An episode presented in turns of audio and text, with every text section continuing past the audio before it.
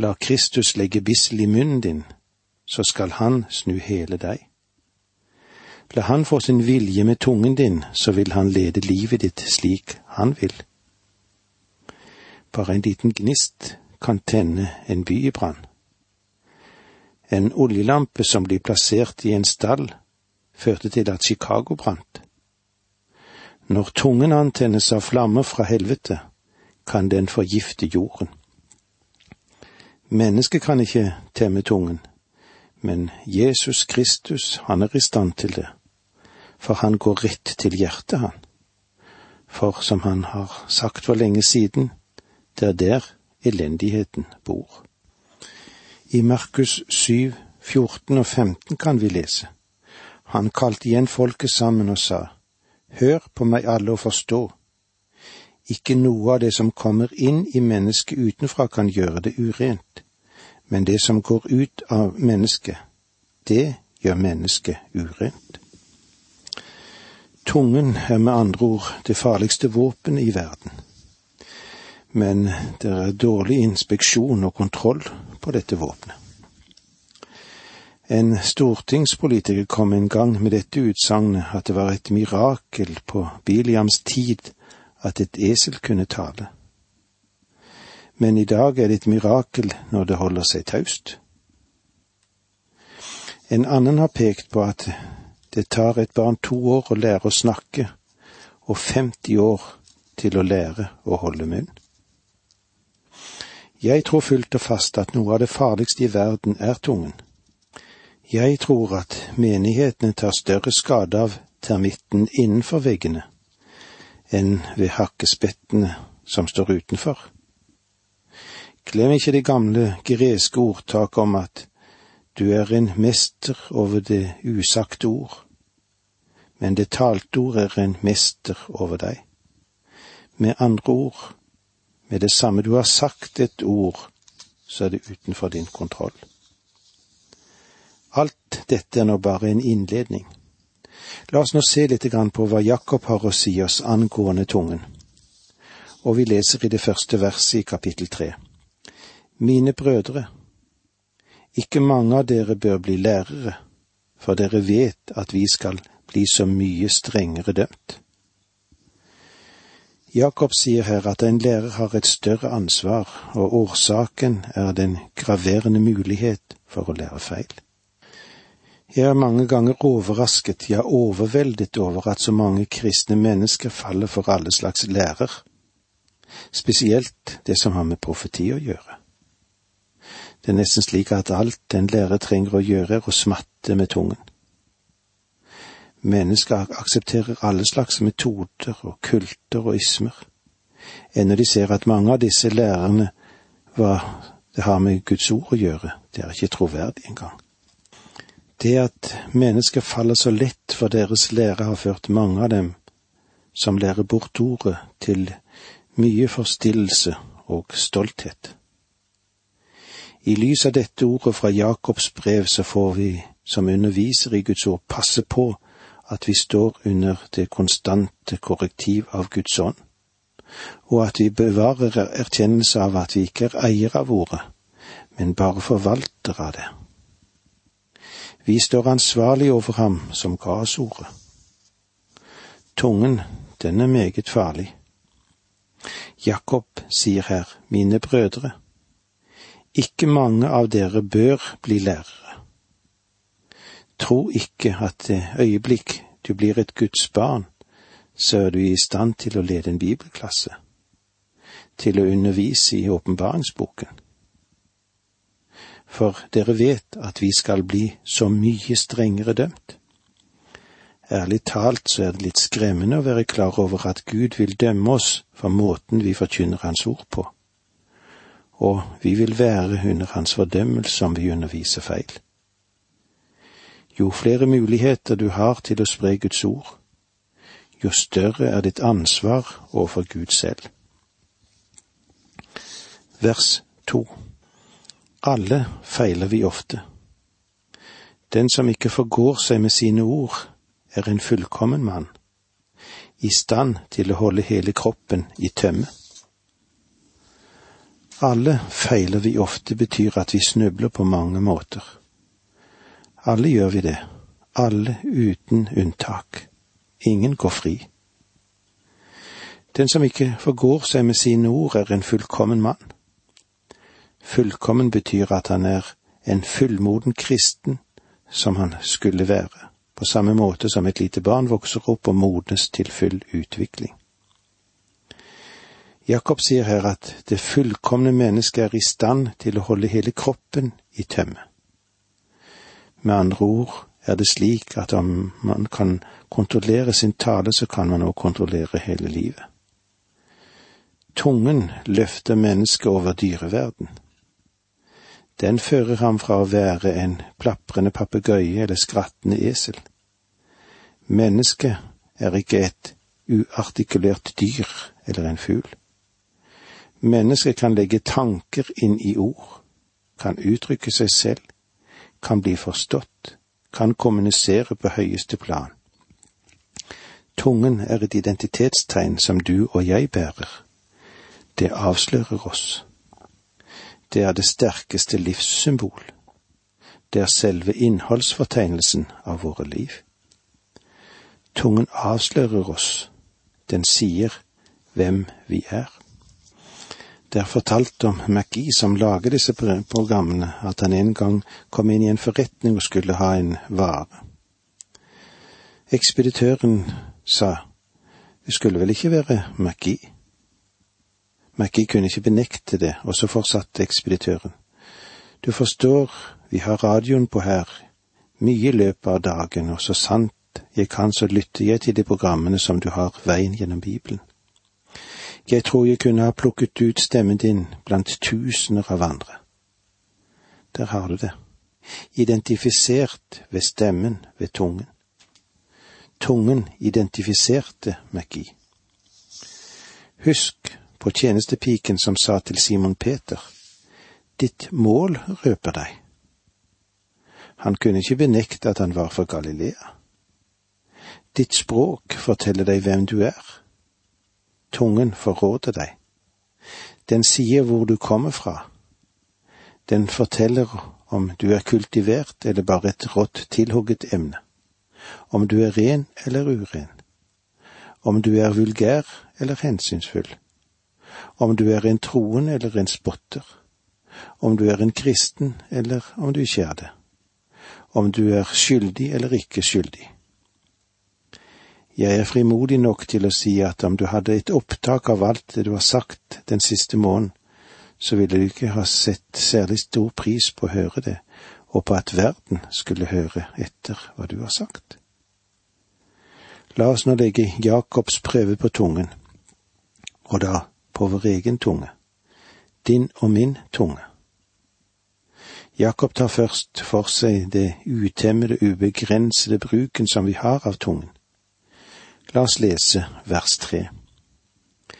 Vi legger jo bissel i munnen på en hest for at den skal lystre oss, og da kan vi styre hele hesten. Illustrasjonen Jakob bruker her for å ta opp temaet om tungen, er praktisk og direkte. Det var David som sa, Jeg tenkte jeg ville ta meg i vare så jeg ikke synder med tungen.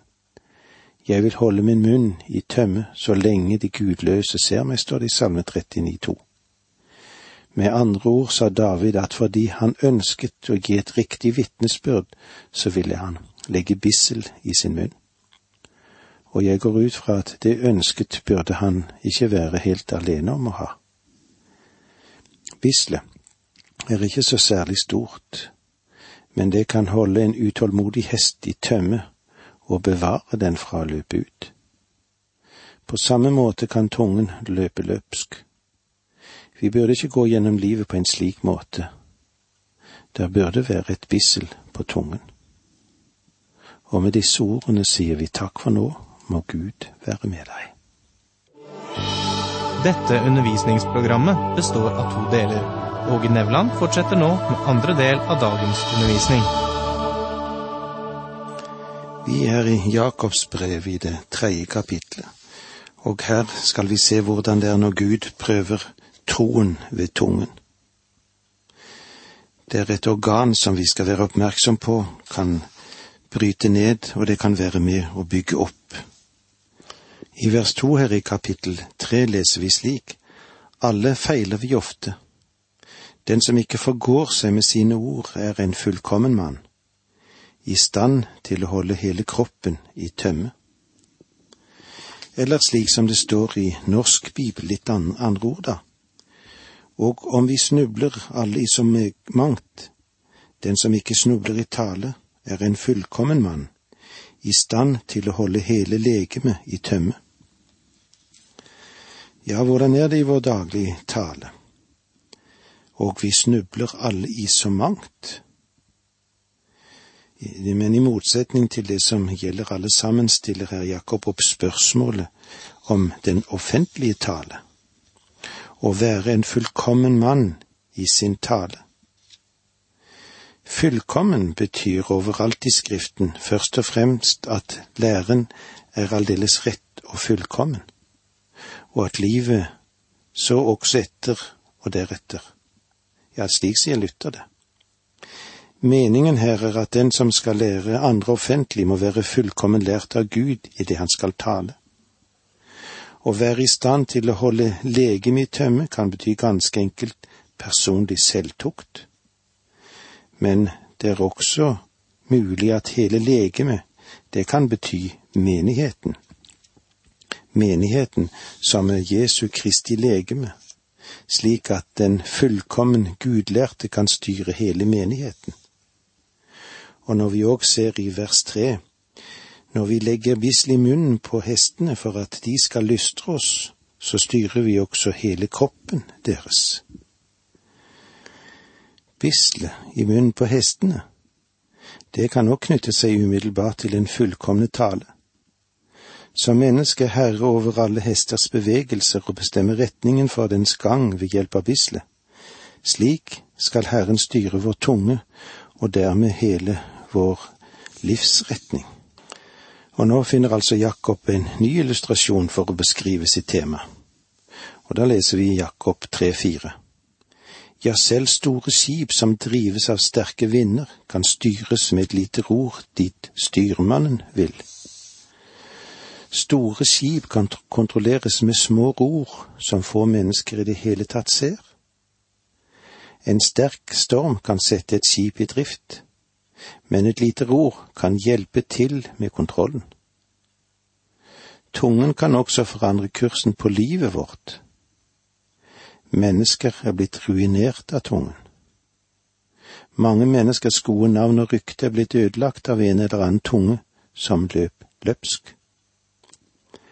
Jakob sier at tungen er farligere enn hest som løper ut eller en storm på havet. Jeg tror at alkoholens svøpe eter mer av folkets marg enn mangt annet. Men vet du at tungen blir mer fordømt i Skriften enn alkoholisme, og det den blir dømt for?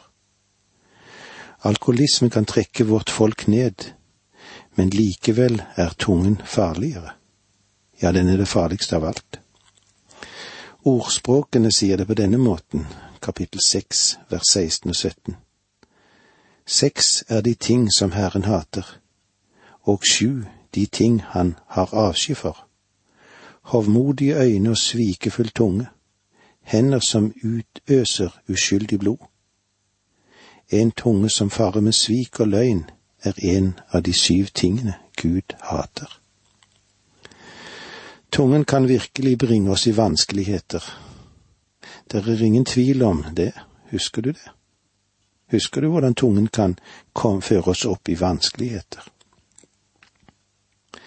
Jeg husker at jeg i min ungdom var imponert da jeg leste om general Montgomerys avskjed til den åttende armé i Italia etter den annen verdenskrig.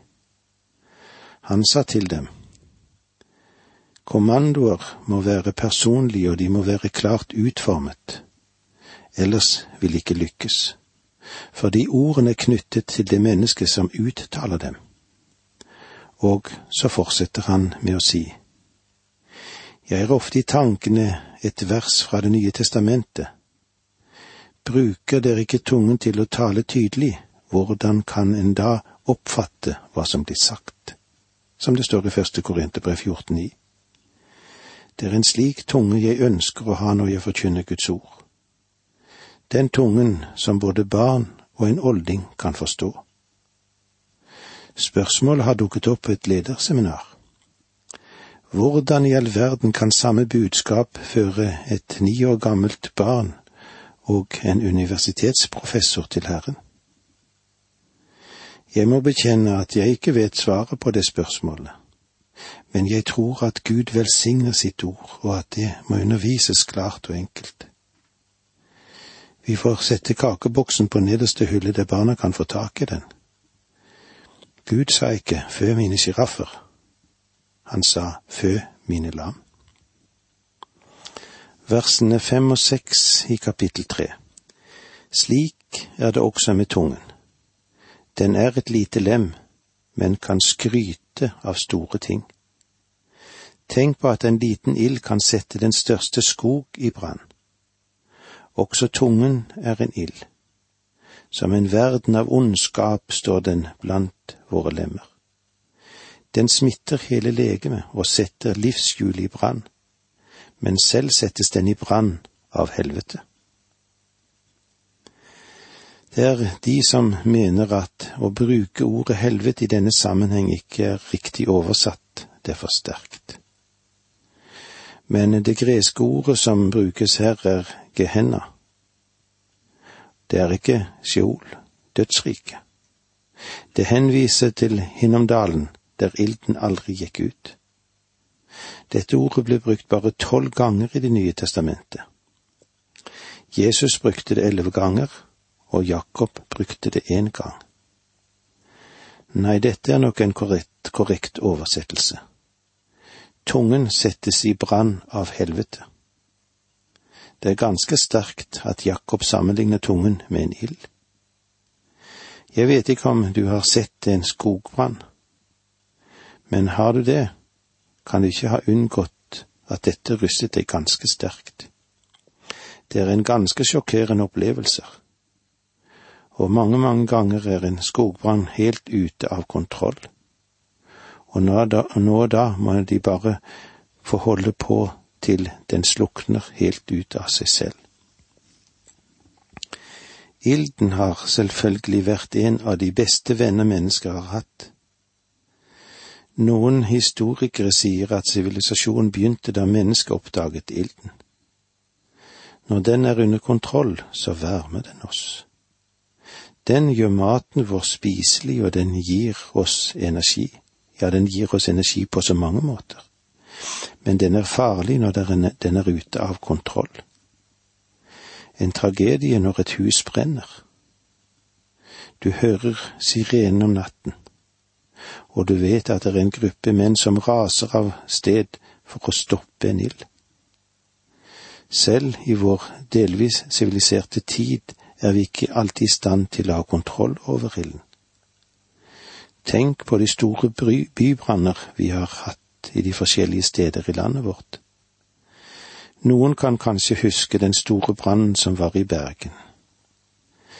Det tok fyr, og den drev litt hit og litt dit, og ga støtet til at hele sentrum brant ned. Tungen er som en ild. Når den er under kontroll, så er den en velsignelse. Når den er ute av kontroll, er den i høyeste grad ødeleggende. Den kan være en velsignelse, og den kan være en forbannelse. I ordspråkene 12-18 leser vi Tankeløs tale stikker som sverdet, men vismenn har legedom på tungen. Tungen kan være som et sverd som dreper, men den kan også gi helsebot hvilket bilde dette er av tungen. Tankeløs tale stikker som sverdet, men vismenn har legedom på tungen.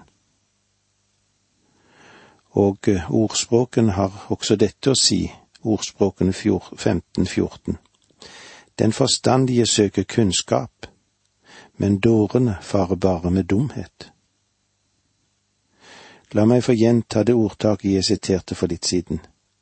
Du er herre over det ord du ennå ikke har talt, men det talte ord er herre over deg. Har du ikke sagt det, så kan du ikke holdt, bli holdt ansvarlig, men med det samme du har sagt det, så kan det fordømme deg. Jeg har lært av bitter personlig erfaring at et skjevt ord, et uttrykk som kan misforstås, spesielt når det er knyttet til et radioprogram, kan ha kraftige virkninger. Du husker at Simon Peters tunge forrådte ham, og han benektet at han kjente sin Herre. Men på pinsedagen, hva var det Herren da brukte? Det var tungen til Simon Peter. Denne karen som snublet, som sleivet i jord og hadde brukt opp tabbekvoten sin for lenge, lenge, lenge siden. Tungen kan enten være en forbannelse eller en velsignelse. De store skogbrannene kan legge vekst øde for et titalls år, og skog som har brukt generasjoner på å vokse opp, blir til intet på øyeblikket. Som en ild kan tungen brenne gjennom en menighet, brenne gjennom et samfunn, brenne gjennom en by og til og med brennmerke et folk. Tenk på dette til vi møtes igjen neste gang. Takk for nå, må Gud være med deg.